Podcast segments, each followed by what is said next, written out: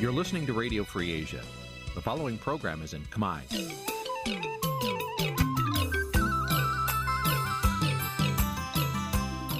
Nǐ chi càm bi tiệp xáy vệt chiu a zì sê ray នេះជាកម្មវិធីផ្សាយរបស់ Vithu Azisari ជាភាសាខ្មែរ វត្តឈូអាស៊ីសេរីសូមស្វាគមន៍លោកអ្នកនាងទាំងអស់ពីរដ្ឋធានី Washington នៃសហរដ្ឋអាមេរិក បាទពីរដ្ឋធានីវ៉ាស៊ីនតោនខ្ញុំបាទសេកបណ្ឌិតសូមជម្រាបសួរអស់លោកអ្នកនាងកញ្ញាទាំងអស់ជាទីមេត្រីខ្ញុំបាទសូមជូនកម្មវិធីផ្សាយសម្រាប់ព្រឹកថ្ងៃពុធមួយកើតខែចែកឆ្នាំខាលចត្វាស័កពុទ្ធសករាជ2566ត្រូវនៅថ្ងៃទី22ខែមីនាគ្រិស្តសករាជ2023បាទជាដំបូងនេះសូមអញ្ជើញអស់លោកអ្នកនាងស្ដាប់ព័ត៌មានប្រចាំថ្ងៃដែលមានមេត្តាដូចតទៅ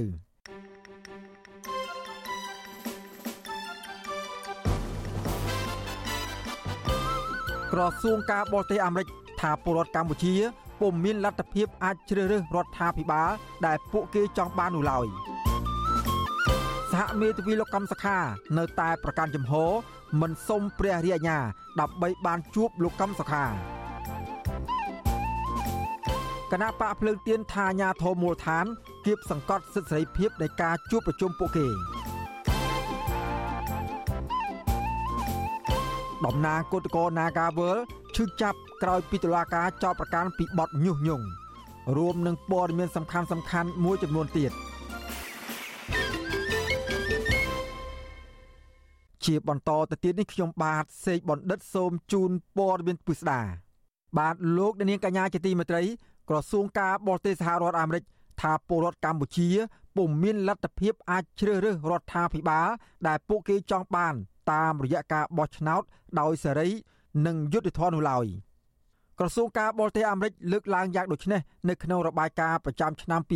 2022ស្ដីពីការអនុវត្តសិទ្ធិរបស់កម្ពុជា ដែលទើបនឹងចេញផ្សាយកាលពីថ្ងៃទី20ខែមីនាថ្មីៗនេះបាទសូមស្ដាប់សេចក្តីរាយការណ៍របស់លោកមេរិតអំពីរឿងនេះពីរដ្ឋធានី Washington មិនខុសពីបណ្ដាឆ្នាំមុនមុនសម្រាប់ឆ្នាំ2022កន្លងទៅ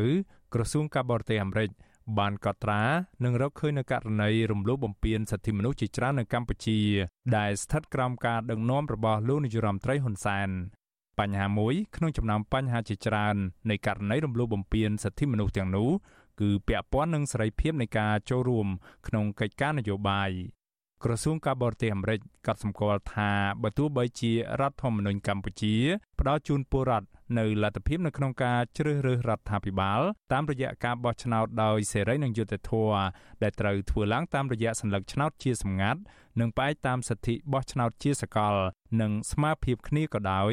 ក៏លទ្ធភាពនៃការធ្វើដូច្នេះពុំមានឡើយសម្រាប់ពលរដ្ឋកម្ពុជារបាយការណ៍ក្រសួងការបរទេសអាមេរិកដដែលបន្តថា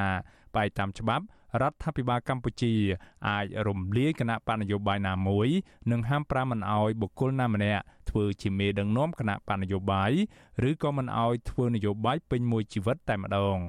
វិសុវស៊ីស្រីមិនអាចតាក់ទងប្រធានអង្គភិបអ្នកណែនាំពាក្យរដ្ឋាភិបាលលោកផៃស៊ីផានដើម្បីសូមប្រតិកម្មលើការលើកឡើងនេះនិងការរកឃើញនៅក្នុងរបាយការណ៍ប្រចាំឆ្នាំរបស់ក្រសួងការបរទេសអាមេរិកនេះបាននៅឡើយទេកាលពីថ្ងៃទី21ខែមីនា កន្លងទៅ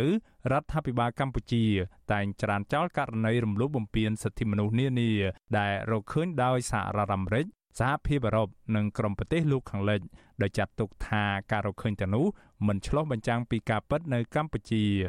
ទោះជាយ៉ាងណា ក្រសួងការបរទេសអាមេរិកក៏បានលើកឡើងពីការរដ្ឋបិទតាមផ្លូវច្បាប់មួយចំនួនទៀតផងដែរទាក់ទងទៅនឹងដំណើរការបោះឆ្នោត ជាក់ស្ដែងច្បាប់កម្ពុជាហាមប្រាមមិនអោយគណៈបណ្ឌនយោបាយប្រើប្រាស់សារជាសម្លេងរូបភាពឬឯកសារជាលាយលក្ខណ៍អក្សររបស់បុគ្គលដែលត្រូវបានកាត់ទោសពីបទឧក្រិដ្ឋលើពីនេះទៀតក្រុមសិលធម៌របស់គណៈកម្មាធិការជាតិរៀបចំការបោះឆ្នោតហៅកាត់ថាកោចបោ ក៏មានចែងពីការដាក់ពិន័យចំពោះអ្នកកាសែតប្រសិនបើពួកគេបង្កការរំខានដល់ដំណើរការនៃការបោះឆ្នោតសម្ភាសអ្នកបោះឆ្នោតណាម្នាក់នៅក្នុងការិយាល័យបោះឆ្នោតឬផ្សព្វផ្សាយព័ត៌មានទាំងឡាយណា ដែលប៉ះពាល់ដល់ស្ថិរភាពនយោបាយឬបណ្ដាលឲ្យសាធារណជនបាត់បង់ទំនុកចិត្តលើការបោះឆ្នោតជាដើម។ ក្រសួងការបរទេសអាមេរិកក៏មិនភ្លេចលើកឡើងពីដំណើរការនៃការបោះឆ្នោតឃុំសង្កាត់អាណត្តិទី5កាលពីដើមខែមិថុនាឆ្នាំ2022ក្រសួងការបរទេសអាមេរិកថាបើទោះបីជាមានគណៈបញ្ញោបាយចំនួន17ចូលរួមក៏ដោយមានគណៈបកប្រឆាំងឯករាជ្យតែមួយគត់ដែលទទួលបានការគ្រប់គ្រងច្រើន គឺគណៈបកភ្លើងទៀន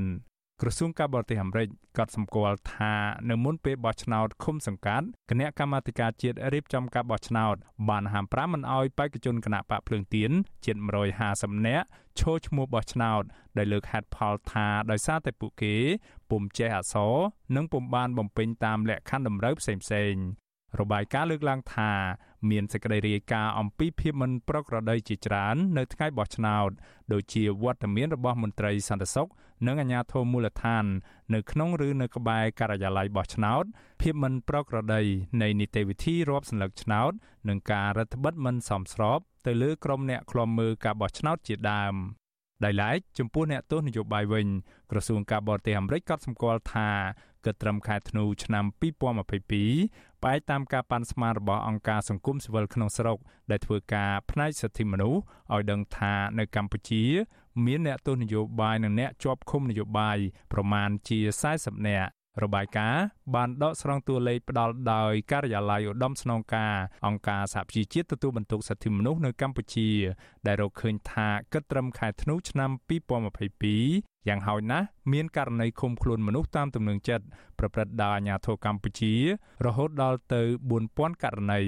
ក្រៅពីនោះក៏មានករណីចាប់ខ្លួនតាមទំនឹងចិត្តយ៉ាងហោចណាស់49ករណីក្នុងនោះ40នាក់ជាសកម្មជននយោបាយ 1នាក់ជាអ្នកកាសែតនិង8នាក់ជាសកម្មជនដីធ្លីរបាយការណ៍ថាករណីចាប់ខ្លួនតាមទំនឹងចិត្តនេះអាចមានច្រើនជាងនេះព្រោះជនរងគ្រោះនៅតាមតំបន់ដាច់ស្រយាលអាចមិនបានដាក់ពាក្យប្តឹងដោយសារតែពួកគេពិបាកធ្វើដំណើរទៅការិយាល័យអង្គការសង្គមស៊ីវិលផ្នែកសិទ្ធិមនុស្សឬព្រួយបារម្ភពីសុវត្ថិភាពរបស់ក្រុមគ្រួសារពួកគេ របាយការណ៍ក្រសួងការបរទេសអាមេរិកដដែលក៏បានលើកឡើងពីករណីឃាតកម្មប្រព្រឹត្តដោយភ្នាក់ងាររដ្ឋាភិបាលលើអតីតអនុប្រធានភូមិរូងឃុំក្រវ៉ាស្រុកបារាយខេត្តកំពង់ធំ គឺលោកសួងដួននៅក្នុងពេលឃាត់ខ្លួនដោយមន្ត្រីកងរាជអាវុធហត្ថកាលពីដើមខែសីហាឆ្នាំ2022ក្រៅពីនេះក្រសួងការបរទេសអាមេរិក ក៏បានលើកឡើងពីករណីរំលោភបំពានសិទ្ធិមនុស្សដទៃទៀតដែលមានដូចជាករណីចង្អៀនណែនក្នុងពន្ធនាគារករណីរំលោភសិទ្ធិទទួលបានការកាត់ក្តីដោយស្មើភាពគ្នាករណីរំលោភសិទ្ធិការងារសិទ្ធិកុមារសិទ្ធិជនជាតិដើមភាគតិចអំពើពុករលួយ និងដំណាភាពក្នុងរដ្ឋាភិបាលជាដើមខ្ញុំបាទមេរិត Visual C ស្រី ពីរដ្ឋធានី Washington បាទលោកនាងកញ្ញាជាទីមេត្រីឥឡូវនេះមកមើលសំណុំរឿងរបស់មេគណៈបកប្រឆាំងលោកកំសខាវិញម្ដងសហមេធាវីរបស់លោកកំសខាមិនទាន់បានព្យាយាមទៅជួបពិភាក្សាជាមួយលោកកំសខាដល់ផ្ទះជាលើកទី2នៅឡើយទេ បន្ទាប់ពីពួកគេត្រូវបានកងកម្លាំងសមត្ថកិច្ចយាមនៅខាងមុខផ្ទះលោកកំសខាមិនអនុញ្ញាតឲ្យចូលជួបកាលពីសប្តាហ៍មុន។ សហមេធាវីលោកកម្មសខានៅតែរក្សាចំហថាពួកគេនៅតែចង់ជួបកូនក្តីដោយមិនចាំបាច់ដាក់លិខិតស្នើសុំការអនុញ្ញាតពីតុលាការនោះឡើយមេធាវីលោកកម្មសខាគឺលោកអាងឧត្តមប្រាប់បទសុអសីសេរីនៅថ្ងៃទី21មីនាថាសំណុំរឿងរបស់លោកកម្មសខានៅមិនទាន់ឆ្លងផុតពីសាលាដំបងរាជធានីភ្នំពេញនៅឡើយទេដូច្នេះតាមច្បាប់ មេធាវីអាចចូលទៅជួបលោកកម្មសខា ជាកូនក្តីបាន ដោយមិនចាំបាច់ដាក់លិខិតស្នើសុំទៅតុលាការនោះទេគឺគ្រាន់តែចុះឈ្មោះនិងបង្ហាញអត្តសញ្ញាណមេធាវីដោយការសូមជួបកូនក្តីនៅក្នុងពន្ធនាគារយ៉ាងដូចនោះដែរការបញ្ជាក់ចំហរបស់សហមេធាវីលោកកម្មសខាបែបនេះនៅក្រៅពេលគណៈមេធាវីបានចេញលិខិតឆ្លើយតបទៅសហមេធាវីកាលពីសប្តាហ៍មុនដោយឲ្យសហមេធាវីដាក់លិខិតទៅព្រះរាជអាជ្ញាជាមុនមុននឹងទៅជួបលោកកម្មសខា តែអ្នកច្បាប់ថាការទៅជួបកូនក្តីនៅក្នុងមន្ទីរឃុំឃាំងគ្មានច្បាប់ណាមួយហាមឃាត់មេធាវីការពីក្តីឲ្យជន់ជាប់ឃុំនោះឡើយលោកកម្មសខានៅសល់ពេលមិនដល់2សប្តាហ៍ទៀតទេ ដើម្បីដាក់ពាក្យប្តឹងទៅសាលាធរប្តឹងទាស់ទៅនឹងសាលក្រមសាលាដំបងរាជធានីភ្នំពេញកាលពីថ្ងៃទី3ខែមីនា ដែលឲ្យលោកជាប់ទោស27ឆ្នាំដោយតុលាការបង្គាប់ឲ្យឃុំខ្លួននៅក្នុងផ្ទះនិងដកសិទ្ធិធ្វើនយោបាយ និងសិទ្ធិបោះឆ្នោតជាដើម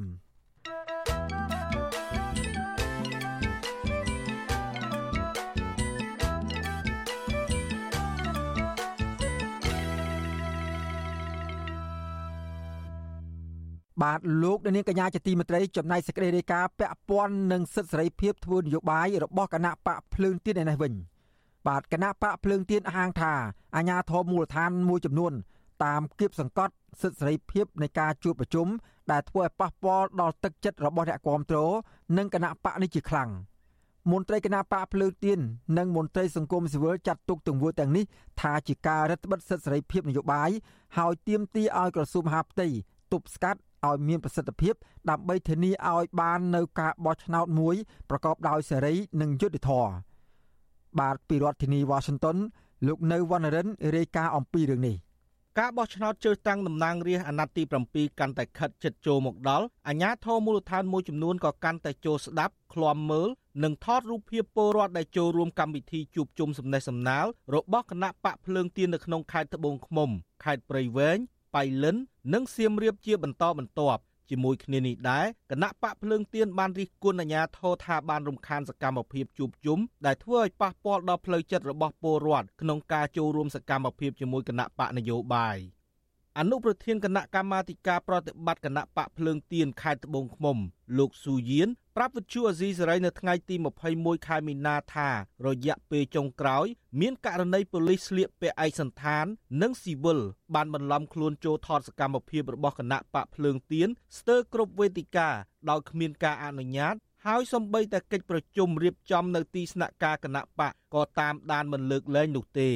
លោកសង្កេតឃើញថាពួកគេហាក់ចិត្តចង្អៀតចង្អល់នឹងគណៈបកភ្លើងទៀនធ្វើសកម្មភាពផុសផុលក៏ប៉ុន្តែលោកមិនដឹងថាមន្ត្រីប៉ូលីសទាំងនោះអនុវត្តដោយបំពេញតួនាទីក្នុងគោលបំណងអ្វីឬរាយការណ៍ទៅណានោះទេលើពីនេះទៀតលោកស៊ូយៀនឲ្យដឹងថាមានជនមិនស្គាល់មុខមកគោះទ្វារនិងគប់ដុំថ្មចូលផ្ទះដើម្បីបំផិតបំភ័យដល់ក្រុមគ្រួសារលោកសាជាថ្មីទៀតកាលពីថ្ងៃទី20ខែមីនាម៉ោងប្រហែល11យប់ លោកចាត់ទុកទង្វើនេះថាជាការគំរាមកំហែងផ្នែកនយោបាយហើយលោកស្នើដល់សមត្ថកិច្ចចាត់វិធានការផ្លូវច្បាប់ឲ្យមានប្រសិទ្ធភាព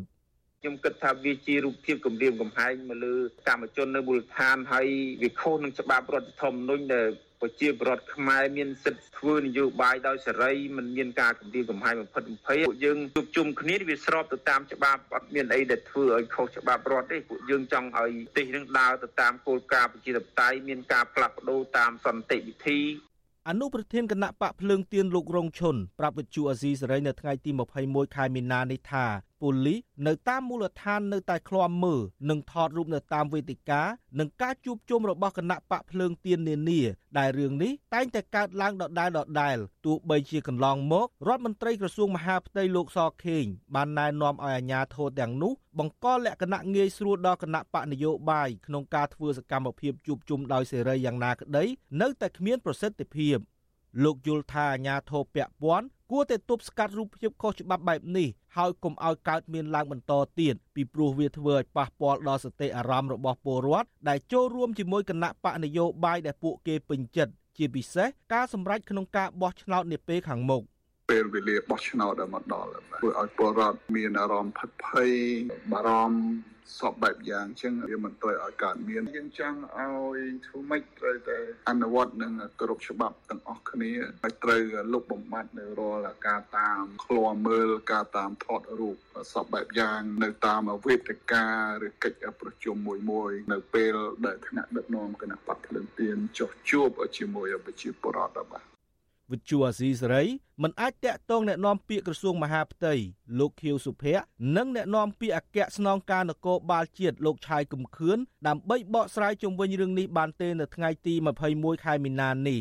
ប៉ុន្តែពេលថ្មីថ្មីនេះរដ្ឋមន្ត្រីក្រសួងមហាផ្ទៃលោកសខេងបានណែនាំដល់អាជ្ញាធរគ្រប់ជាន់ថ្នាក់ត្រូវបើកចំហដល់គណៈបកនយោបាយឲ្យធ្វើសកម្មភាពបានពេញលេញនិងស្មើភាពគ្នា ជាពិសេសក្នុងអំឡុងពេលឃោសនារោគសម្លេងឆ្នោតនៅពេលខាងមុខ។ ទោះជាយ៉ាងនេះក្តីមន្ត្រីបកប្រឆាំងនិងសង្គមស៊ីវិលមើលឃើញថាការណែនាំរបស់រដ្ឋមន្ត្រីក្រសួងមហាផ្ទៃហាក់គ្មានប្រសិទ្ធភាពដោយសារតែអាជ្ញាធរនៅតែបង្កភាពភ័យខ្លាចដល់ពលរដ្ឋមួយចំនួនដដែលជាក់ស្ដែងសកម្មជនគណៈបកភ្លើងទៀនមួយចំនួនពិបាកធ្វើសកម្មភាពដោយសារតែមានការបំផិតបំភ័យនិងការគំរាមកំហែងជាបន្តបន្ទាប់ដូចជាការព្រួតវាយធ្វើបាបពីសំណាក់ជនមិនស្គាល់មុខការគប់ដុំថ្មចូលផ្ទះ ការជិះម៉ូតូដេញបុកនិងពន់ប៉ងសម្លាប់ជាដើមប៉ុន្តែករណីទាំងនេះគឺក្រសួងមហាផ្ទៃពុំដែលវែកមុខរកឃើញជនល្មើសមកផ្ដន់ទាទោសតាមច្បាប់ឡើយ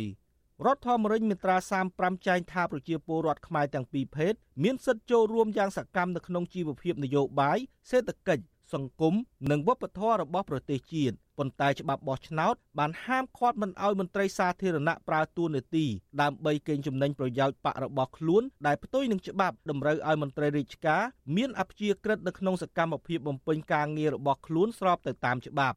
ជុំវិញរឿងនេះ អ្នកសម្របសម្រួលផ្នែកអង្គការរបស់អង្គការឃ្លាំមើលការបោះឆ្នោត Confrel លោកកនសវាង មានប្រសាសន៍ថាមន្ត្រីរាជការស៊ីវិលកម្លាំងមានសមត្ថកិច្ចត្រូវដើរតួនាទីអព្យាក្រឹតដោយគ្មានការរើសអើងនិងប្រកាន់បកពួកឡើយទោះជាយ៉ាងណាក្តីលោកមើលឃើញថាបច្ចុប្បន្នពលរដ្ឋមួយចំនួនហាក់មិនទាន់ជឿជាក់ចំពោះការអនុវត្តតួនាទីរបស់សមត្ថកិច្ចទាំងនោះនៅឡើយ។ លោកបន្តថាបើសិនមានអាជ្ញាធររូបណាចូលថតរូបនិងចូលស្ដាប់កិច្ចប្រជុំរៀបចំដោយគណៈបកនយោបាយគ្មានការអនុញ្ញាតនោះគឺចាត់ទុកថាជាការរឹតបន្តឹងលើសេរីភាពនៃការជួបជុំដែលផ្ទុយពីគោលការណ៍ច្បាប់ហើយក្រសួងមហាផ្ទៃត្រូវត្រួតពិនិត្យដោះស្រាយឲ្យបានឆាប់ឆាប់ដើម្បីជំរុញការបោះឆ្នោតនៅខែកក្កដាខាងមុខនេះប្រព្រឹត្តទៅដោយសេរីត្រឹមត្រូវនិងយុត្តិធម៌ ទោះបីជាចំណុចណាក៏ដោយគាត់មិនអាចមានទូរនទីក្នុងការអនុញ្ញាតគាត់មិនអាចមកអង្គុយចាំស្ដាប់មកអីសញ្ញាពីកិច្ចការព្រោះការងារបាក់នេះការងារការជួបជុំវាជាសិទ្ធិសេរីភាពផ្នែកនយោបាយរបស់គណៈបកមួយមួយវាអត់មានត្រូវការទូរនទីជាកិច្ចគាត់នឹងមកអង្គុយធ្វើការសង្កេតនៅក្នុងហ្នឹងឯងហើយសុខភាពពួកអញ្ចឹងដែរបើគ្មានការហៅអញ្ជើញគាត់ឲ្យចូលរួមនៅក្នុងការជួយការការពារទេគឺថាមិនចាំបាច់គាត់នឹងធ្វើការមកចូលរួមទេ គណៈកម្មាធិការជាតិរៀបចំការបោះឆ្នោតកោជបបានប្រកាសថាអ្នកមានឈ្មោះក្នុងបញ្ជីបោះឆ្នោតផ្លូវការឆ្នាំ2022មានជាង9លាន7សែននាក់ស្មើនឹង89.28%នៃប្រជាពលរដ្ឋដែលមានសិទ្ធិបោះឆ្នោតការិយាល័យបោះឆ្នោតមានចំនួនជាង23,000ការិយាល័យកោជបបានបញ្ជាក់ថាបញ្ជីបោះឆ្នោតផ្លូវការនៅក្នុងឆ្នាំ2022 គឺជាបញ្ជីបោះឆ្នោតផ្លូវការសម្រាប់ការបោះឆ្នោតជ្រើសតាំងតំណាងរាស្ត្រនីតិកាលទី7ដែលប្រព្រឹត្តទៅនៅថ្ងៃអាទិត្យទី23ខែកក្កដាខាងមុខគណៈបកភ្លើងទៀនធ្លាប់បញ្ជាក់ថាគណៈបកនេះប្រឆាំងដាច់ខាត ចំពោះការគៀបសង្កត់ការគម្រាមកំហែងនិងការធ្វើទុកបុកម្នេញផ្នែកនយោបាយគ្រប់រូបភាពគ ណៈបកភ្លើងទៀនក៏អំពាវនាវឲ្យប្រទេសហត្ថលេខីនៃកិច្ចព្រមព្រៀងសន្តិភាពទីក្រុងប៉ារីទាំងអស់ឲ្យបំពេញកាតព្វកិច្ចរបស់ខ្លួនដើម្បីជំរុញឲ្យមានការគោរពសិទ្ធិមនុស្សការអនុវត្តលទ្ធិប្រជាធិបតេយ្យសេរីពហុបកឲ្យបានត្រឹមត្រូវខ្ញុំបាទនៅវណ្ណរិន with Chu Azizi Saray ពីរដ្ឋធានី Washington បាទលោកអ្នកនាងកញ្ញាជាទីមេត្រីអ្នកការពារសិទ្ធិមនុស្សលើកឡើងថា ការចាប់ខ្លួនអ្នកគាំទ្រគណៈបកសង្គ្រោះចិត្ត2នាក់គឺលោកយឹមស៊ីណននិងលោកហ៊ុនកសលគឺជារូបភាពនៃការបំបិតសិទ្ធិសេរីភាពបញ្ចេញមតិប្រធានអង្គការសម្ព័ន្ធភាពការពារសិទ្ធិមនុស្សកម្ពុជាហៅកាត់ថាច្រាក់លោករស់សថាមានប្រសាសន៍កាលពីយប់ថ្ងៃទី21ខែមីនាថាព្រះរាជពិធីជ័យមិនគួរកើតមានករណីចាប់ខ្លួនអ្នកនយោបាយបែបនេះទេ ហើយព្រះមហាក្សត្រក៏ទំនងជាមិនចង់ឲ្យកូនចៅរបស់ព្រះអង្គ ជាប់គុកជាប់ច្រវាក់នោះដែរលោកថាប្រមុខរដ្ឋាភិបាល គួរត្រឹមបកស្រាយរឿងនេះជាជាងប្រើវិធានការចាប់ចងព្រោះនេះជាការបំបិទសិទ្ធិសេរីភាពបញ្ចេញមតិក្នុងនិយមន័យសិទ្ធិបញ្ចេញមតិទេបាទវាអត់មានដល់បទអក្រិតបទអីវាអត់មានណាសិទ្ធិបញ្ចេញមតិគឺបុគ្គលដែលមួយអាច បញ្ចេញមតិទៅតាមមនសិការណារបស់ខ្លួនដោយគ្មានការរារាំងគ្រប់បរិញ្ញាមជ្ឈបាយទាំងអស់បើសិនជាមានការប្រមាថវិញអានឹងវារឿងផ្សេងអញ្ចឹងណាប្រមាថចំចំប្រមាថខ្សត់អានឹងវាជារឿងពាក់ព័ន្ធច្បាប់មន្ត្រីសិទ្ធិមនុស្សថ្លែងបែបនេះក្រោយពីអាជ្ញាធរបានចាប់ខ្លួននយោបាយនិយមលោកកម្មសខា2នាក់គឺលោកយឹមស៊ីណននិងលោកហ៊ុនកសលកាលពីល្ងាចថ្ងៃទី21ខែមីនាក្រោយពីពួកលោកបានបង្ហោះសារនៅលើ Facebook តាក់ទងនឹងរូបភាពព្រះមហាក្សត្រព្រះរាជទានព្រះអគិជ័យសម្រាប់ព្រឹត្តិការណ៍កីឡាស៊ីហ្គេម និងអាស៊ានប៉ារ៉ាហ្គេមនៅខេត្តសៀមរាបរូបភាពព្រះមហាក្សត្រនោះ មានមួយមើលទៅហាក់ដូចជាលោកហ៊ុនសែន អង្គុយស្មើនឹងព្រះមហាក្សត្រនៅលើវេទិកាកិត្តិយសហើយមួយទៀតមើលទៅឃើញអ្នកបាំងថ្លោះឬឆាត់ខំប្រឹងកាន់ឆាត់ដ៏ធ្ងន់បាំងឲ្យលោកហ៊ុនសែនផង បាំងឲ្យព្រះមហាក្សត្រផងខណៈព្រះមហាក្សត្រនិងលោកហ៊ុនសែន បោះជំហានបណ្ដើរជជែកគ្នាបណ្ដើរលោកយឹមស៊ីណននិងលោកហ៊ុនកសលមិនបានបង្ហោះឬចែកចាយរូបភាពទៅនោះទេប៉ុន្តែពួកលោកបានសរសេរសារផ្សេងគ្នា លើទំព័រ Facebook លោកយឹមស៊ីណនបានសរសេរថា បើតាមសម្លេងប្រជាពលរដ្ឋតាមហាងកាហ្វេថ្ងៃនេះយើងអាចឃើញច្បាស់ថានរណាជាស្ដេចផែនដីពិតប្រាកដជាមួយគ្នានោះលោកហ៊ុនកុសលបានសរសេរថា លោកនឹងប្រើសមត្ថភាពចូលរួមពូនផ្ដុំ ជាមួយលោកកម្មសខា ដើម្បីការពារព្រះចេស្តាក្សត្រក្រោយពីឃើញគេធ្វើបាបប្រតិនិងបន្ទាបព្រះចេស្តាព្រះមហាក្សត្រខ្មែរគ្រប់ច្រកលោកនាយករដ្ឋមន្ត្រីហ៊ុនសែន បានចាត់ទុកសារទាំងនេះ ថាជារឿងបំភ្លៃការពិតដោយចេតនាលោកបានឆ្លើយតបក្នុងទំព័រ Facebook របស់លោកយឹមស៊ីណនថាករណីនេះ បើគ្មានទោសទើបចម្លែកព្រោះនេះ មិនមែនជារបៀបបញ្ចេញមតិនោះទេវិទ្យុអាស៊ីសេរីនៅពុំទាន់អាចតតងแนะនាំពាក្យអាយកាអមស្លាដំបងរាជធានីភ្នំពេញលោកប្លង់សផលដើម្បីសាកសួរអំពីចំណាត់ការនិងបទចោទលើលោកយឹមស៊ីណននិងលោកហ៊ុនកសលបានទេកាលពីយប់ថ្ងៃទី21ខែមីនាដោយទូរស័ព្ទចូលតែពុំមានអ្នកទទួលលោកយឹមស៊ីណនគឺជាអតីតប្រធានចលនាយុវជនគណៈបកសង្គ្រោះជាតិប្រចាំប្រទេសកូរ៉េខាងត្បូង តុលាការក្រុងភ្នំពេញធ្លាប់ចោទប្រកាន់លោកពីបទរួមគំនិតក្បត់និងញុះញង់ពាក់ព័ន្ធនឹងរឿងដំណើរវិលចូលស្រុកវិញរបស់លោកសំរងស៊ីកាលពីឆ្នាំ2019ក្រោយមកលោកបានសរសេរលិខិតទៅលោកហ៊ុនសែនដើម្បីស្នើសុំអន្តរាគមន៍ឲ្យទម្លាក់ចោលបទចោទប្រកាន់លើរូបលោកលោកបានវិលត្រឡប់មកកម្ពុជាវិញ កាលពីខែមករាឆ្នាំ2022ហើយតុលាការក៏ទម្លាក់ចោលបទចោទប្រកាន់លើរូបលោក ប៉ុន្មានខែចុងក្រោយនេះលោកយឹមស៊ីណននិងលោកហ៊ុនកសលតែងតែបង្ហាញមុខនៅក្នុងសវនាការរឿងក្តីលោកកំសខា អ្នកនយោបាយទាំងពីររូបនេះជាអ្នកគ្រប់គ្រងដ៏សកម្មរបស់លោកកំសខានិងបានងាកមកវាយប្រហារដោយពាក្យសម្ដីទៅលើលោកសំរងស៊ី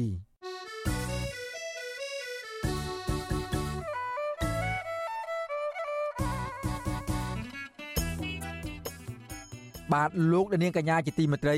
ក្រៅពីការតាមដានស្ដាប់ការផ្សាយរបស់វិទ្យុអស៊ីសេរីតាមបណ្ដាញសង្គម Facebook YouTube Telegram លោកអ្នកនាងក៏អាចតាមដានស្ដាប់ការផ្សាយរបស់យើងខ្ញុំ តាមរយៈបណ្ដាញសង្គម Instagram របស់វិទ្យុអស៊ីសេរីតាមរយៈតំណភ្ជាប់ www.instagram.com/rfa ខ្មែរវិទ្យុអសីស្រីបន្តខិតខំផ្សព្វផ្សាយព័ត៌មានពិតទៅកាន់បងប្អូនតាមរយៈបណ្ដាញសង្គមផ្សេងៗ និងសម្បូរបែបដើម្បីលោកដានាងងាយស្រួលតាមដានការផ្សាយរបស់វិទ្យុអសីស្រីគ្រប់ពេលវេលា និងគ្រប់ទីកន្លែង តាមរយៈទូរស័ព្ទរបស់អស់លោកដានាង បាទសូមអរគុណ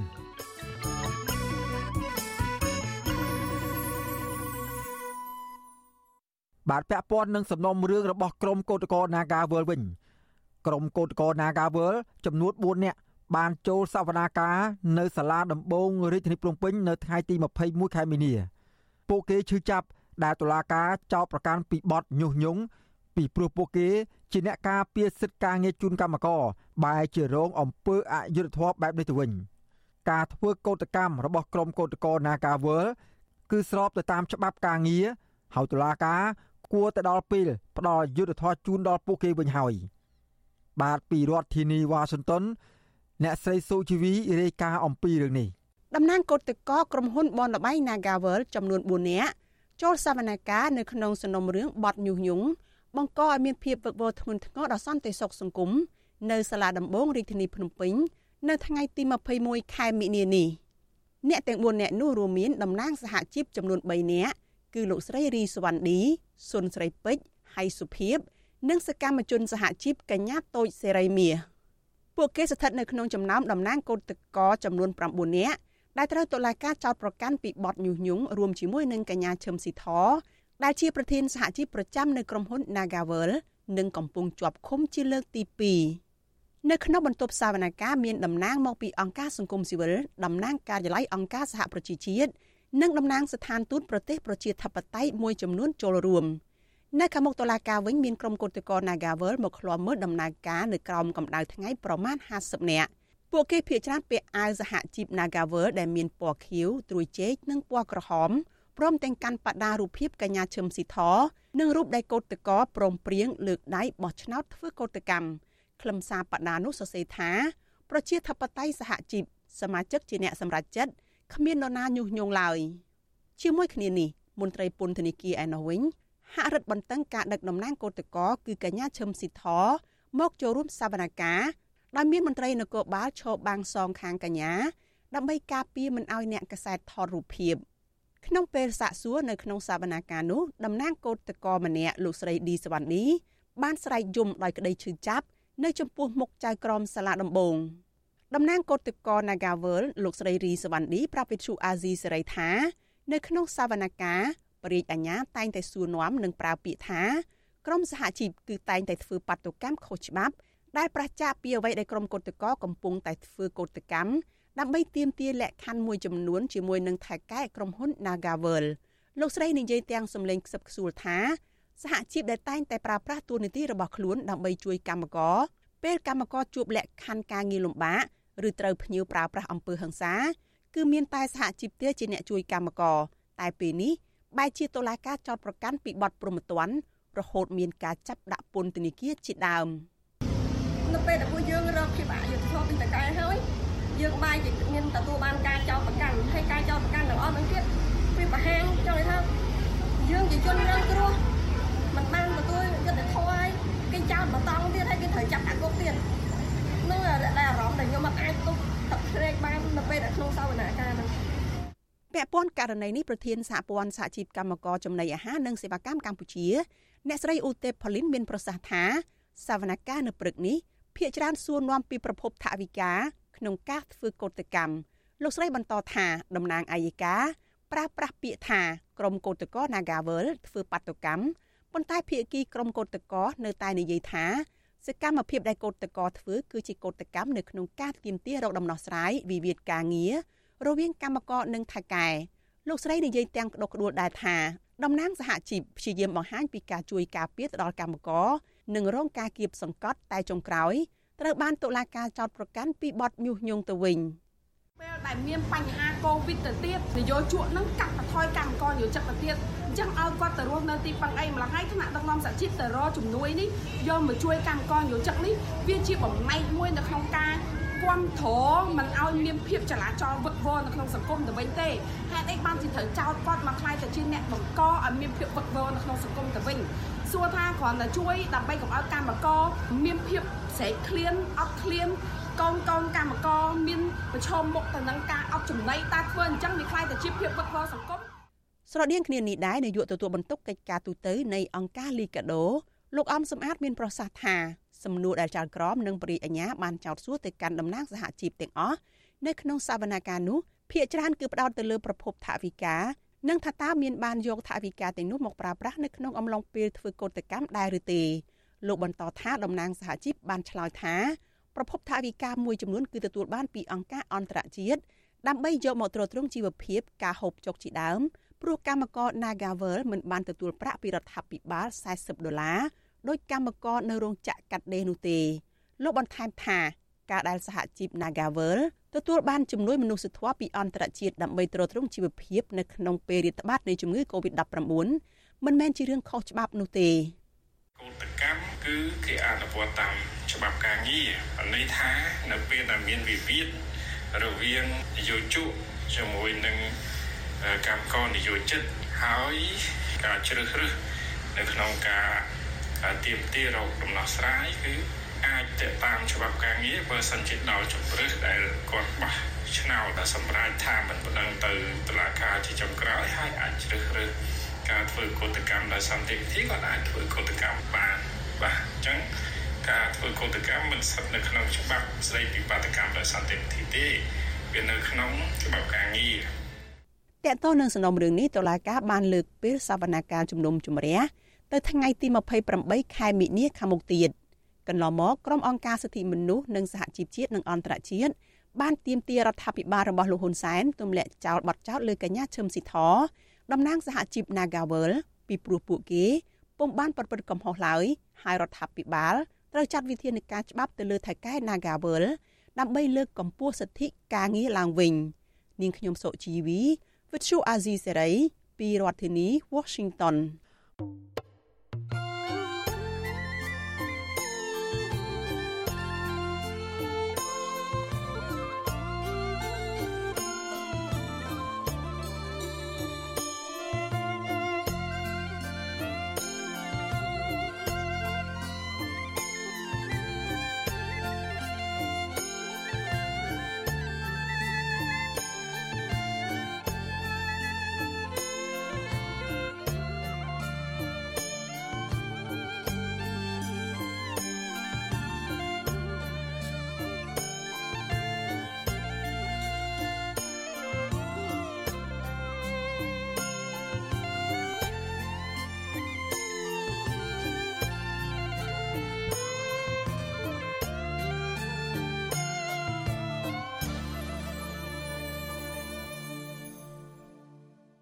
បាទលោកអ្នកនាងកញ្ញាជាទីមេត្រីលោកសំរាំងស៊ីប្រធានស្ដីទីគណៈបកសង្គ្រោះជាតិប្រៀបធៀបលោកនាយករដ្ឋមន្ត្រីហ៊ុនសែនដោយកង្កែបក្នុងអណ្ដូងលោកសំរាំងស៊ីអស់សំណោចនៅពេលលោកនាយករដ្ឋមន្ត្រីហ៊ុនសែនចោទប្រកាន់លោកថា កម្ពុជាប្រឈមនឹងការបាត់បង់ប្រព័ន្ធអនុគ្រោះពន្ធ EBA នោះថាមកពីលោកជាអ្នកដើរគៀងគោឲ្យសហគមន៍អន្តរជាតិដាក់ទណ្ឌកម្មលើប្រជាពលរដ្ឋខ្លួនឯងនោះផ្ទុយទៅវិញ លោកសំរងស៊ីថាលោកហ៊ុនសែនទៅវិញទេ ជាអ្នកដឹកនាំមិនគិតគូរដល់ប្រជាពលរដ្ឋខ្លួនឯងលោកថាលោកហ៊ុនសែនបានបន្សល់មរតកចំនួន5ដែលបំផ្លាញប្រជាពលរដ្ឋខ្លួនឯងបាទសូមលោកនាង រងចាំស្ដាប់បទសម្ភាសរបស់លោកជុនច័ន្ទបុតជាមួយនឹងលោកសំរងស៊ីអំពីបញ្ហានេះនាពេលបន្តិចទៀត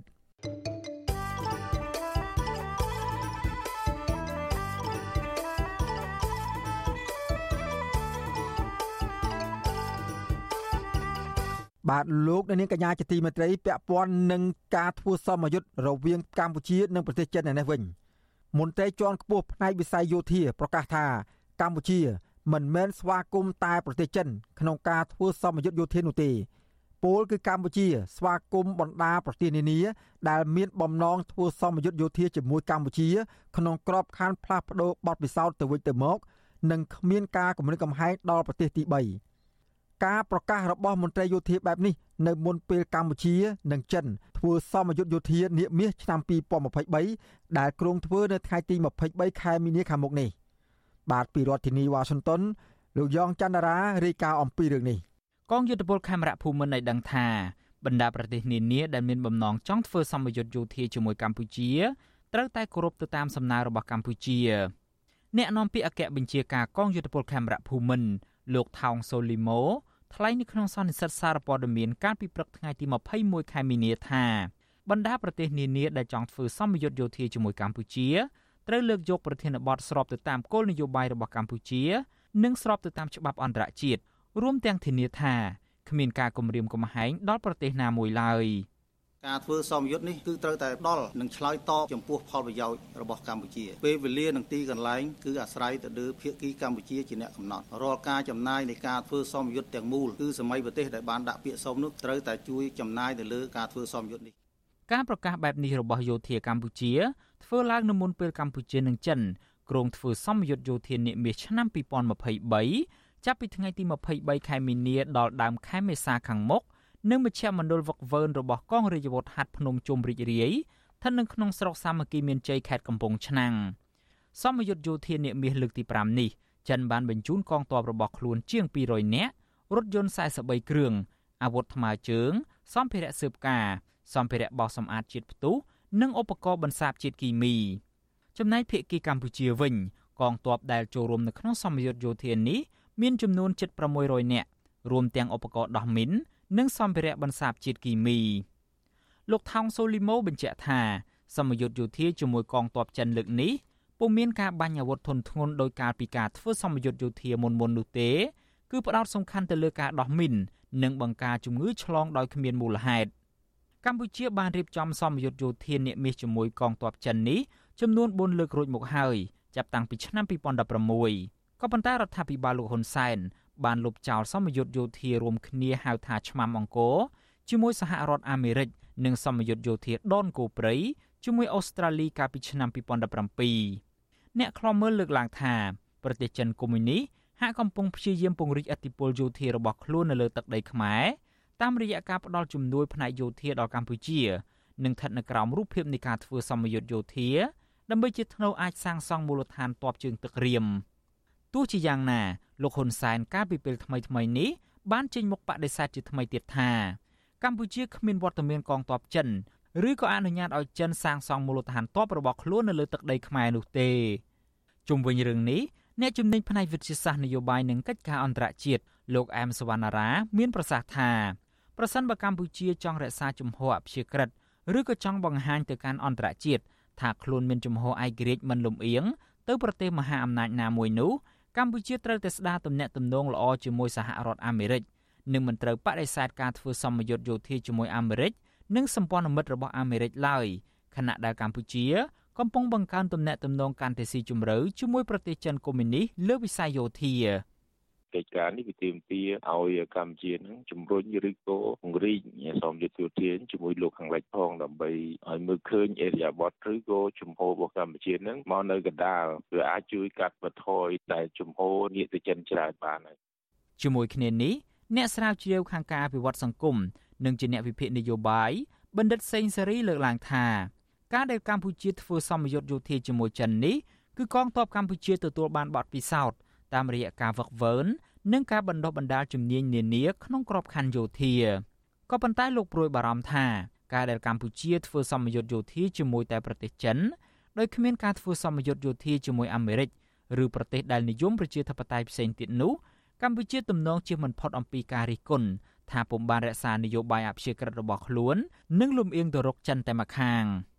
ដើម្បីថែរក្សាតុល្យភាពនយោបាយការបរទេសតាមរយៈការធ្វើសម្ពយុទ្ធយោធានេះកម្ពុជាគ្មានជំរឿអ្វីក្រៅតែពីបញ្យលបកស្រាយឲ្យសមភាគី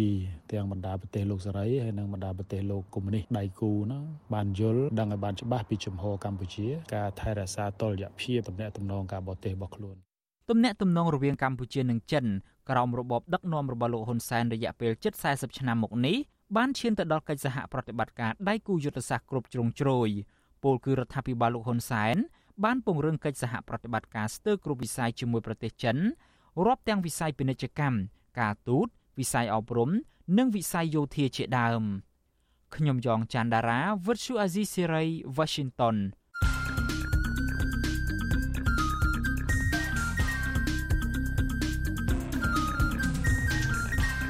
បតសំភារ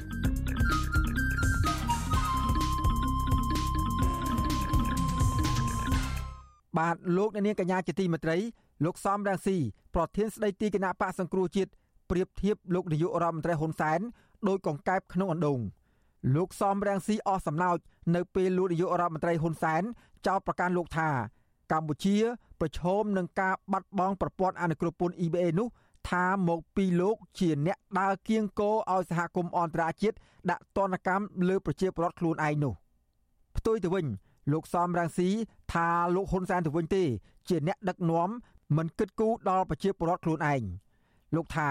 លោកហ៊ុនសែនបានបន្សល់មរតកចំនួន5ដែលបំផ្លាញប្រជាពលរដ្ឋខ្លួនឯងបាទសូមលោកដានាងស្ដាប់បទសម្ភាសរបស់លោកជុនច័ន្ទបុតជាមួយលោកសំរងស៊ីអំពីបញ្ហានេះដូចតទៅ ជាទូទៅយើងបានឮហើយថានៅពេលដែលមានការបដិប្រព័ន្ធអនុគ្រោះពន្ធអីនេះជាដើមគេច្រើនតែចោទទៅលោកសំរងស៊ីខ្លួនឯងថាជាអ្នកដើរទៅញុះញង់ប្រាប់អង្គការអន្តរជាតិប្រទេសជឿនលឿនអីដើម្បីឲ្យដាក់ទណ្ឌកម្មលើប្រទេសកម្ពុជាលោកសំរងស៊ីសូមអញ្ជើញឆ្លើយតបចំណុចនេះបាទលោកហ៊ុនសែនគាត់តែងតែចោទចោទថាសហគមន៍អន្តរជាតិសហរដ្ឋអាមេរិកសហភាពអឺរ៉ុប គឺធ្វើតាមសំរងស៊ីលោកហ៊ុនសែនគាត់ទទួលស្គាល់ថាសំរងស៊ីមានឥទ្ធិពលខ្លាំងណាចង់ធ្វើអីចង់បញ្ជាឲ្យអឺរ៉ុបឲ្យសហរដ្ឋអាមេរិក គឺសំរងស៊ីជាអ្នកបញ្ជាគេចាត់វិធានការទាំងអឺរ៉ុបទាំងអាមេរិកចាត់វិធានការដាក់ទណ្ឌកម្មមកលើរបបផ្ដាច់ការហ៊ុនសែនគឺដោយសារតែសំរងស៊ីអញ្ចឹងការយល់ឃើញបែបនេះដូចជា កង្កែបក្នុងអណ្ដូងហើយសម័យនេះទោះជាកង្កែបក្នុងអណ្ដូងក៏មានអ៊ីនធឺណិតមើលក៏មានអីដែរទោះជានៅក្នុងអណ្ដូងក៏យើងអាចឃើញពន្លឺដែរតើតែយើងខ្វាក់ភ្នែកបានយើងអត់ឃើញពន្លឺហើយយើងនិយាយប្រេះប្រាស់ដូចជាប្រព័ន្ធ EBA ប្រព័ន្ធ EBA នោះគឺអ្វីគឺប្រព័ន្ធអនុគ្រោះពន្ធពន្ធនាំចូលយើងនាំទំនិញ ទៅលក់ស្រុកគេគេនាំតំណែងនោះចូលស្រុកគេធម្មតាគេដាក់ពន្ធលើតំណែងនោះហើយសេដ្ឋកិច្ចទីផ្សារបើតំណែងដែលនាំចូលត្រូវបង់ពន្ធតំណែងនោះវាលក់ថ្លៃវាលក់ថ្លៃជាងតំណែងដែលអត់ត្រូវបង់ពន្ធហើយបើតំណែងលក់ថ្លៃគឺប្រកួតប្រជែងជាមួយតំណែងដែលលក់ថោកប្រកួតប្រជែងអត់ឈ្នះគេទេបើតំណែងមួយ ត្រូវបង់ពន្ធហើយតំណែងមួយទៀតអត់ចាំបាច់បង់ពន្ធអាតំណែងដែលបង់ពន្ធគឺលក់អត់ដាច់ទេអានឹងដូចជាបិទទីផ្សារអញ្ចឹងលក់អត់ដាច់លក់អត់ចេញអានឹងដូចជាបិទអញ្ចឹងដូចជាខាត់ទីផ្សារនឹងបាត់បង់ទីផ្សារនឹងទាំងស្រុងអញ្ចឹងហើយបានយើងត្រូវយល់ថាអ្វីដែលហៅថាហៅថាអនុគ្រោះពន្ធប្រព័ន្ធអនុគ្រោះពន្ធ EBA ហើយមកដល់ពេលនេះខ្ញុំជឿថាប្រហែលឆ្នាំទៅមុខទៀត យើងត្រូវការឲ្យមានការអនុគ្រោះពន្ធបើយើងបាត់បង់ប្រព័ន្ធអនុគ្រោះពន្ធ EBA ឥឡូវយើងបាត់បង់គេព្យួរតែ20%ឯងតើបើលោកហ៊ុនសែនមិនព្រមកែខ្លួន គេអាចព្យួរព្យួរ30 40 50%ឬគេព្យួរ100%តែម្ដងអានឹងយើងធ្ងន់ណាស់គ្រាន់តែព្យួរ20%យើងលៀនអណ្ដាតណា បើគេព្យួរមក30 40% 50%ហើយបើបាត់បង់ទាំងស្រុង100%មិនត្រឹមតែលៀនអណ្ដាតទេគឺស្លាប់គឺសេដ្ឋកិច្ចស្លាប់តែម្ដងបាទនឹងយើងត្រូវតែចេះថ្លឹងថ្លែងហើយយើងត្រូវដឹងពីការទទួលខុសត្រូវមិនមែនសំរៀងស៊ីទេ អ្នកទទួលខុសត្រូវរឿងហ្នឹងគឺហ៊ុនសែនពីព្រោះហ៊ុនសែនគាត់សម្លាប់លទ្ធិប្រជាធិបតេយ្យគាត់ធ្វើបាបប្រជាពលរដ្ឋ គាត់ពុករលួយគាត់បំផ្លាញទាំងសេដ្ឋកិច្ចបំផ្លាញទាំងលទ្ធិប្រជាធិបតេយ្យអញ្ចឹងហើយបានអន្តរជាតិហើយអន្តរជាតិគេអត់មានចង់ចំណេញអីពីស្រុកខ្មែរស្រុកខ្មែរតូចក្រគេចង់ជួយប៉ុន្តែគេជួយឲ្យមានលទ្ធិប្រជាធិបតេយ្យឲ្យមានការដឹកនាំប្រទេសឲ្យបានល្អកុំពុករលួយហើយឲ្យប្រជារាស្ត្រមានសិទ្ធិសម្រេចវាសនារបស់លោកអ្វីដែលអន្តរជាតិចង់ជួយយើងគឺជួយក្នុងន័យល្អបើយើងធ្វើតាមអន្តរជាតិ ធ្វើតាមសភាពសហភាពអឺរ៉ុបទី1យើងអត់បាត់បង់ EBA យើងទី2យើងអត់បាត់បង់ការងារទី3ជីវភាពរស់នៅរបស់យើងវារុងរឿងហ្នឹងតែជាមួយហ៊ុនសែនរបបហ៊ុនសែនធ្វើឲ្យយើងបាត់បង់ EBA ផងបាត់បង់ការងារផង បាត់បង់សេរីភាពផង បាត់បង់លទ្ធិប្រជាធិបតេយ្យផងនឹងយើងត្រូវថ្លឹងថ្លែងដែលយើងទាំងអស់គ្នារងគ្រោះ រងគ្រោះអត់មានសេរីភាព រងគ្រោះរបបហ៊ុនសែនគម្រាមកំហែងតាមចិត្តហើយរងគ្រោះចំពោះកម្មករបាត់បង់ការងារគឺដោយសារហ៊ុនសែនដោយសារតែរបបហ៊ុនសែនយើងត្រូវតែដូររបបហ៊ុនសែនចេញដើម្បីបានសេរីភាពផង បានការងារធ្វើផង បានជីវភាពរុងរឿងផង បាទសំណួររបស់លោកវិភូថាតើលោកយល់យ៉ាងណាដែរចំពោះការដឹកនាំរបស់លោកនាយករដ្ឋមន្ត្រីហ៊ុនសែននេះលោកវិភូមើលឃើញថាលោកសំរងស៊ីនឹងហាក់ដូចជាមើលមិនឃើញ ចំណុចល្អរបស់លោកហ៊ុនសែនសោះឥឡូវលោកហ៊ុនសែនគាត់បន្តិចទៀតនេះគាត់ថានឹងផ្ទេរតំណែងផ្ទេរអំណាចឲ្យទៅកូនគាត់ពេលផ្ទេរ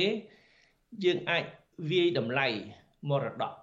ថាមរតកហ៊ុនសែនគាត់ដឹកនាំប្រទេស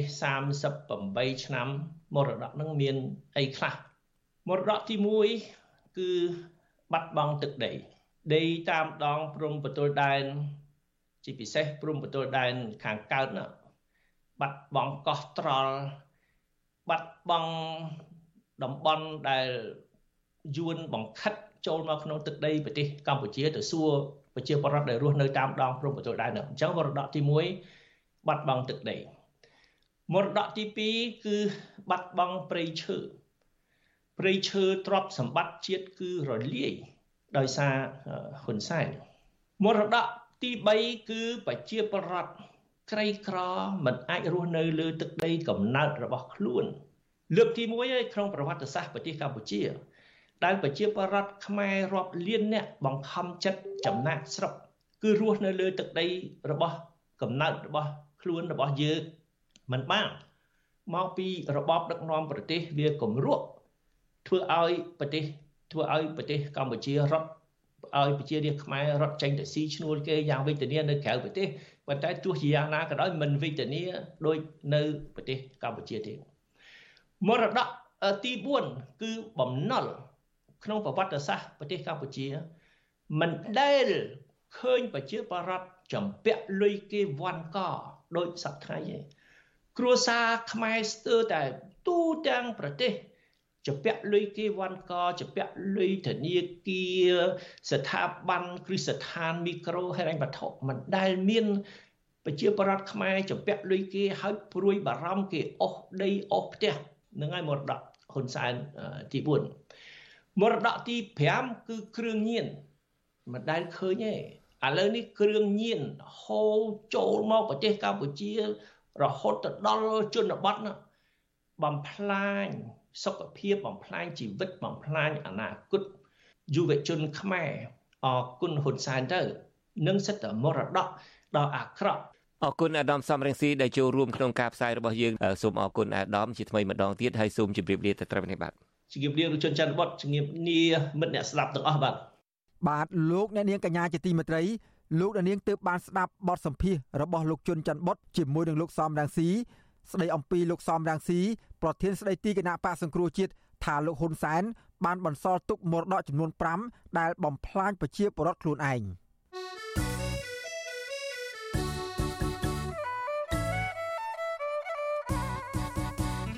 បាទលោកដានៀងកំពុងតាមដានស្ដាប់ការផ្សាយរបស់វិទ្យុអសីសេរីពីរដ្ឋធានីវ៉ាស៊ីនតោនសហរដ្ឋអាមេរិក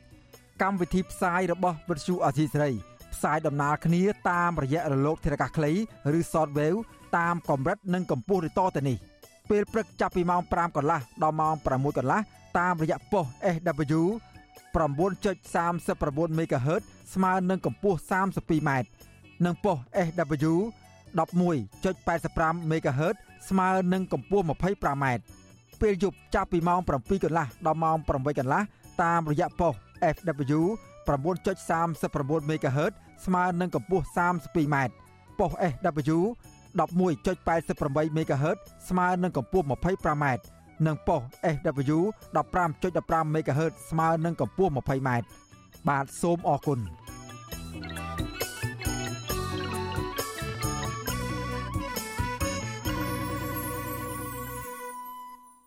បាទលោកអ្នកនាងកំពុងតាមដានស្ដាប់ការផ្សាយរបស់វិទ្យុអាស៊ីសេរីពីរដ្ឋធានីវ៉ាស៊ីនតោនសហរដ្ឋអាមេរិកឥឡូវនេះយើងងាកមកមើលបញ្ហាចំនួនដីធ្លីនៅផ្ទះសម្បែងវិញម្ដងក្រមប្រជាពលរដ្ឋរស់នៅក្នុងបរិយា VIP បញ្ជាក់ចំហដូចដូចគ្នាថាពួកគាត់នឹងនៅតែបន្តចេញតវ៉ាទាមទារឲ្យអាជ្ញាធរពាក់ព័ន្ធដោះស្រាយបញ្ហា ដែលម្ចាស់បរិយាបោកប្រាស់មិនចេញបានកម្មសិទ្ធិជូនដល់ពួកគាត់ ការបញ្ជាក់ចំហនេះ ធ្វើឡើងបន្ទាប់ពីរដ្ឋាភិបាលសាលារាជធានីភ្នំពេញបានចេញសេចក្តីប្រកាសព័ត៌មានថានឹងមានវិធានការផ្លូវច្បាប់ទៅលើក្រមប្រជាពលរដ្ឋប្រសិនបើពួកគេបន្តតវ៉ាដោយបិទផ្លូវទៀតក្នុងពេលខាងមុខមន្ត្រីអង្គការសង្គមស៊ីវិលយល់ឃើញថាអាញាធរគួរតែអន្តរាគមជួយដោះស្រាយចំនួននៅក្រៅប្រព័ន្ធតុលាការឲ្យបានឆាប់ដើម្បីឲ្យប្រជាពលរដ្ឋបញ្ឈប់ការតវ៉ាបែបនេះបាទសូមស្ដាប់សេចក្តីរាយការណ៍របស់លោកទីនសាការីយ៉ា ជុំវិញបញ្ហានេះពីរដ្ឋធានីវ៉ាស៊ីនតោនក្រមប្រជាពលរដ្ឋបានបងរំលោះនឹងទិញផ្ទះនៅក្នុងបរិយា VIP ក្នុងខណ្ឌដង្កោរាជធានីភ្នំពេញលើកឡើងដូចគ្នាថាពួកគាត់បានចំណាយប្រាក់អស់រាប់ម៉ឺនដុល្លារប៉ុន្តែមិនទទួលបានប្លង់កាន់កាប់ដីធ្លីនិងផ្ទះនោះទេផ្ទុយទៅវិញបែរជាលេចដំណឹងថានឹងមានអង្គការរឹបអូសយកផ្ទះនិងដីរបស់ពួកគាត់ទៅវិញ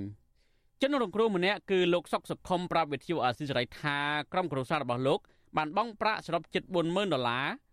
ទៅដល់បរិយ VIP កាលពីខែមករាឆ្នាំ2021ហើយភៀកហ៊ុនបរិយបានសន្យាថានឹងសង់ផ្ទះរួចក្នុងរយៈពេល18ខែ ចាប់ពីថ្ងៃបង់ប្រាក់ក៏ប៉ុន្តែគិតរហូតមកដល់ពេលនេះអស់រយៈពេលជាង2ឆ្នាំមកហើយភៀកគីបរិយមិនបានបញ្ចប់ការសាងសង់នោះឡើយស្រាប់តែពេលថ្មីថ្មីនេះបែរជាលេចលឺដំណឹងថាមានអង្គញាចង់រឹបអូសយកផ្ទះរបស់លោកទៅវិញលោកបន្ថែមថាក្រមប្រជាពលរដ្ឋ មិនមានចេតនាតវ៉ាបាត់ផ្លូវនោះឡើយប៉ុន្តែដោយសារតែការតវ៉ាជាច្រើនដងកន្លងមកមិនដាល់មានក្រុមអាជ្ញាធរអន្តរាគមនាំថកាយបរិយនិងភាគីពាក់ព័ន្ធមកជជែកដើម្បីស្វែងរកដំណោះស្រាយនោះទេហេតុនេះទើបប្រជាពលរដ្ឋបាត់ផ្លូវតវ៉ាតែម្ដងខ្ញុំស្គាល់ក៏ដូចជាប្រជាពលរដ្ឋរាប់ពាន់រាប់រយគ្រួសារហ្នឹងគាត់សង្ឃឹមថារដ្ឋាភិបាល នឹងមើលឃើញទុកសោករបស់ប្រជាពលរដ្ឋជាជាងកាន់ជើងអុកញ៉ាកាន់ជើងចាស់បរិយព្រោះពលរដ្ឋច្រើនណាស់លោកសុកសុខុមបន្ថែមថាលោកនឹងចូលរួមតវ៉ាជាមួយក្រុមប្រជាពលរដ្ឋបន្តទៀតដើម្បីទាមទារឲ្យភាគីពាក់ព័ន្ធស្វែងរកយុត្តិធម៌ជូនក្នុងការកាន់កាប់ផ្ទះរបស់លោកហើយលោកក៏ចង់ដោះស្រាយតាមរយៈក្រៅប្រព័ន្ធតុលាការដែរស្រដៀងគ្នានេះពលរដ្ឋរងគ្រោះម្នាក់ទៀតគឺលោកចៅសម្បត្តិថ្លែងថា កូនកូនរបស់លោកបានចូលលុយគ្នាទិញផ្ទះនៅបរិយា VIP ក្នុងតម្លៃ46000ដុល្លារកាលពីឆ្នាំ2018ក៏ប៉ុន្តែរហូតមកទល់ពេលនេះលោកមិនទាន់ទទួលបានបានកម្មសិទ្ធិកាន់កាប់ដីធ្លីឡើយលោកបន្ថែមថាផ្ទះដែលលោកបានទិញនោះក៏ពិបាករស់នៅដែរព្រោះមិនមានប្រព័ន្ធទឹកភ្លើងគ្រប់គង់ត្រឹមត្រូវនោះទេហើយកន្លងមក លោកថែមទាំងបានចេញលុយខ្លួនឯង6000ដុល្លារអាមេរិកដើម្បីសាងសង់បញ្ចប់តែម្ដង លោកបញ្ជាក់ចំហថាលោកនឹងបន្តចូលរួមតវ៉ាជាមួយជនរងគ្រោះដទៃទៀតដើម្បីស្នើឲ្យរដ្ឋាភិបាលជួយផ្ដល់យុត្តិធម៌ជូនពលលោកការបញ្ជាក់ចំហបែបនេះធ្វើឡើងនៅបន្ទាប់ពីរដ្ឋបាលសាលារដ្ឋាភិបាលភ្នំពេញកាលពីថ្ងៃទី20មីនាបានចេញសេចក្តីប្រកាសព័ត៌មានថាការចេញតវ៉ាដោយបិទផ្លូវ217នៅតាមដងផ្លូវ3ទីតាំងផ្សេងគ្នាក្នុងខណ្ឌដង្កោដោយក្រុមអ្នកទិញផ្ទះនៅបរិយា VIP កាលពីថ្ងៃទី19មីនាគឺជាអំពើល្មើសច្បាប់បន្ថែមពីនេះ សេចក្តីប្រកាសព័ត៌មានបញ្ជាក់ថាប្រសិនបើមានការបាត់ផ្លូវជាថ្មីនោះសាលារាជធានីភ្នំពេញនឹងមានវិធានការផ្លូវច្បាប់ទៅលើក្រុមអ្នកតវ៉ាប្រជាពលរដ្ឋជាង1000គ្រួសារបានបង់រំលោះនឹងទិញផ្ទះរបស់គម្រោងបរិយា VIP ក៏ប៉ុន្តែពួកគាត់មិនទាន់ទទួលបានបានកម្មសិទ្ធិកាន់កាប់ដីធ្លីនៅឡើយហើយបើទោះបីជាអតិថិជនខ្លះបានបង់ប្រាក់គ្រប់ចំនួនហើយក្តីក៏ប៉ុន្តែពួកគេមិនទទួលបានផ្ទះឡើយព្រោះបរិយាមិនទាន់សាងសង់រួចរាល់ដោយផ្ទះខ្លះទើបតែបានចាក់គ្រឹះតែប៉ុណ្ណោះ ក្រមប្រជាពលរដ្ឋរងគ្រោះលើកឡើងថាម្ចាស់បរិយាបានយកប្លង់កម្មសិទ្ធិទៅខ្ចីប្រាក់ពីធនាគារនិងប្រាក់អង្គញាមួយចំនួនហេតុដូចនេះទើបពួកគេមិនបានទទួលបានប្លង់កម្មសិទ្ធិពីម្ចាស់បរិយា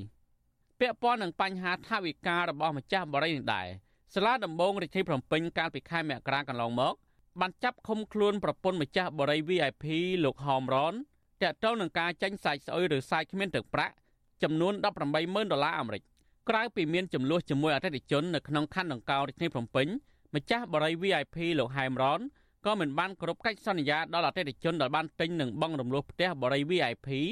នៅខេត្តប្រសេះអនុជាង2000គ្រួសារដែរចូលរងគ្រោះម្នាក់ដែលបានទិញផ្ទះនៅបរិយា VIP នៅខេត្តប្រសេះអនុលោកគិនស៊ីថាប្រាប់វិទ្យុអាស៊ីសេរីថាលោកបានទិញផ្ទះគម្រោង VIP តាំងពីចុងឆ្នាំ2018 ដោយភាគីបរិយសន្យាថានឹងសាងសង់ផ្ទះឲ្យរួចរាល់នៅរយៈពេល2ឆ្នាំប៉ុន្តែមកដល់សប្តាហ៍ថ្ងៃនេះបរិយ VIP សាងសង់ផ្ទះរបស់លោកបានត្រឹមតែ30%ប៉ុណ្ណោះខណៈលោកបង់ប្រាក់អស់80%នៃតម្លៃផ្ទះ40000ដុល្លារអាមេរិកលោកបន្ថែមថាក្រោយពីមានការតវ៉ារបស់ក្រមប្រជាពលរដ្ឋអភិបាលខេត្តប្រសេះអនុបានអន្តរាគមជួយឲ្យម្ចាស់បរិយ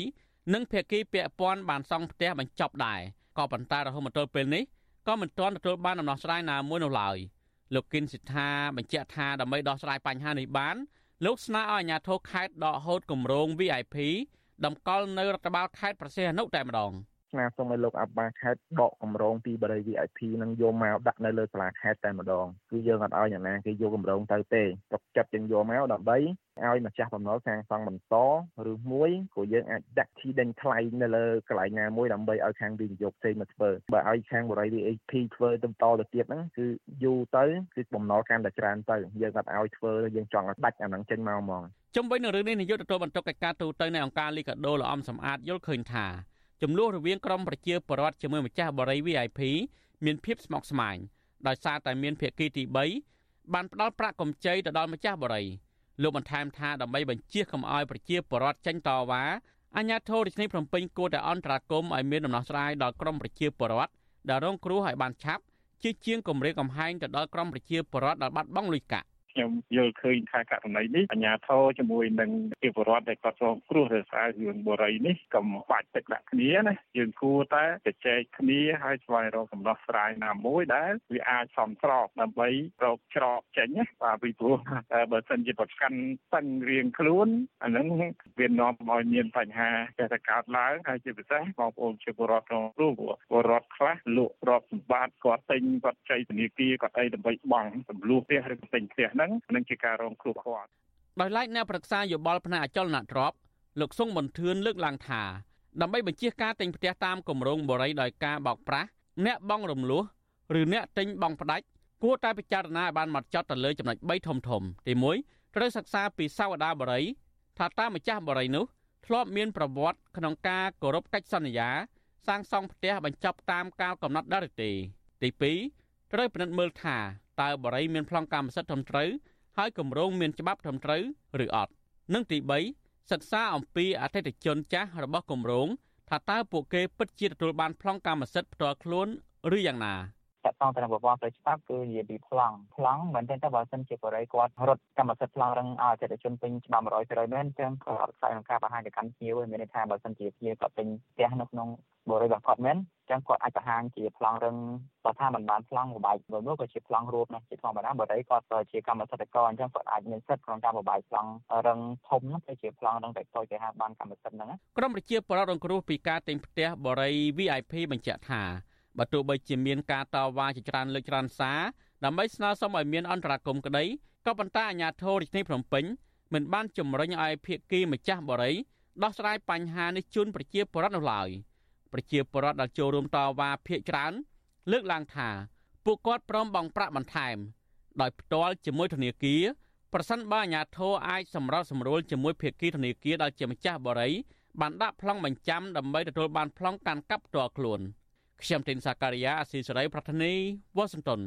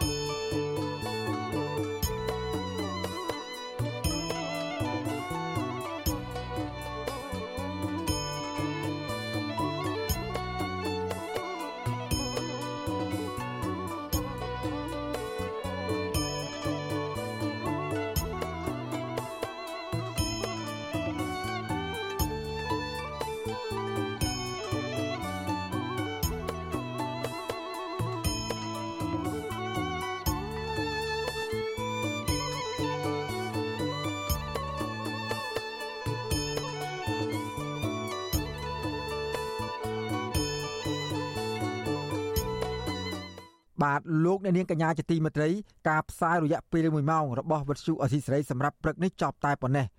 យើងខ្ញុំសូមថ្លែងអំណរគុណយ៉ាងជ្រាលជ្រៅចំពោះអស់លោកនាងដែលបានតាមដានស្ដាប់ការផ្សាយរបស់យើងខ្ញុំតាំងពីដើមរហូតមកទល់នឹងពេលនេះ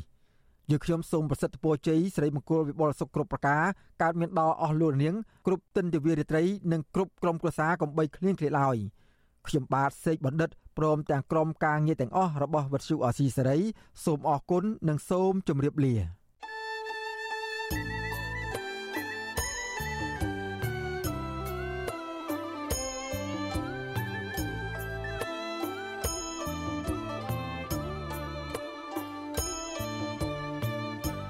វិទ្យុអេស៊ីសេរីផ្សាយតាមរលកធារកាសខ្លីឬ shortwave តាមកម្រិតនិងកម្ពស់ដូចតទៅនេះ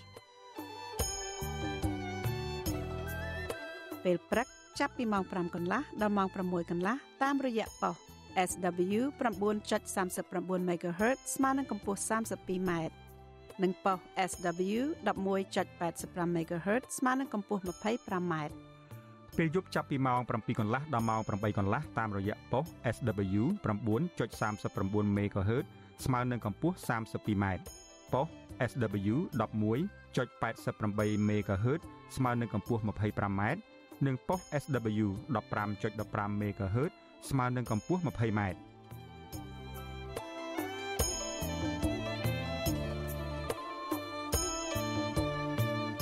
លោកអ្នកនាងក៏អាចស្ដាប់ការផ្សាយផ្ទាល់ តាមប្រព័ន្ធអ៊ីនធឺណិតដោយចូលទៅកាន់គេហទំព័រ www.rfa.org/ ខ្មែរក្រៅពីនេះលោកអ្នកនាងក៏អាចអាននិងទស្សនាព័ត៌មានវិទ្យុអេស៊ីសេរីលើទូរស័ព្ទដៃរបស់លោកអ្នកផ្ទាល់សូមលោកអ្នកនាង ចូលទៅកាន់កម្មវិធី Facebook រួចស្វែងរកពាក្យ RFA ខ្មែរនិង YouTube ដោយស្វែងរកពាក្យ RFA ខ្មែរសូមលោកអ្នកនាងចុច like និងចុច subscribe ដើម្បីទទួលបានព័ត៌មានថ្មីៗតនហេតុការនិងទស្សនាវីដេអូផ្សេងៗទៀតបានគ្រប់ពេលវេលា។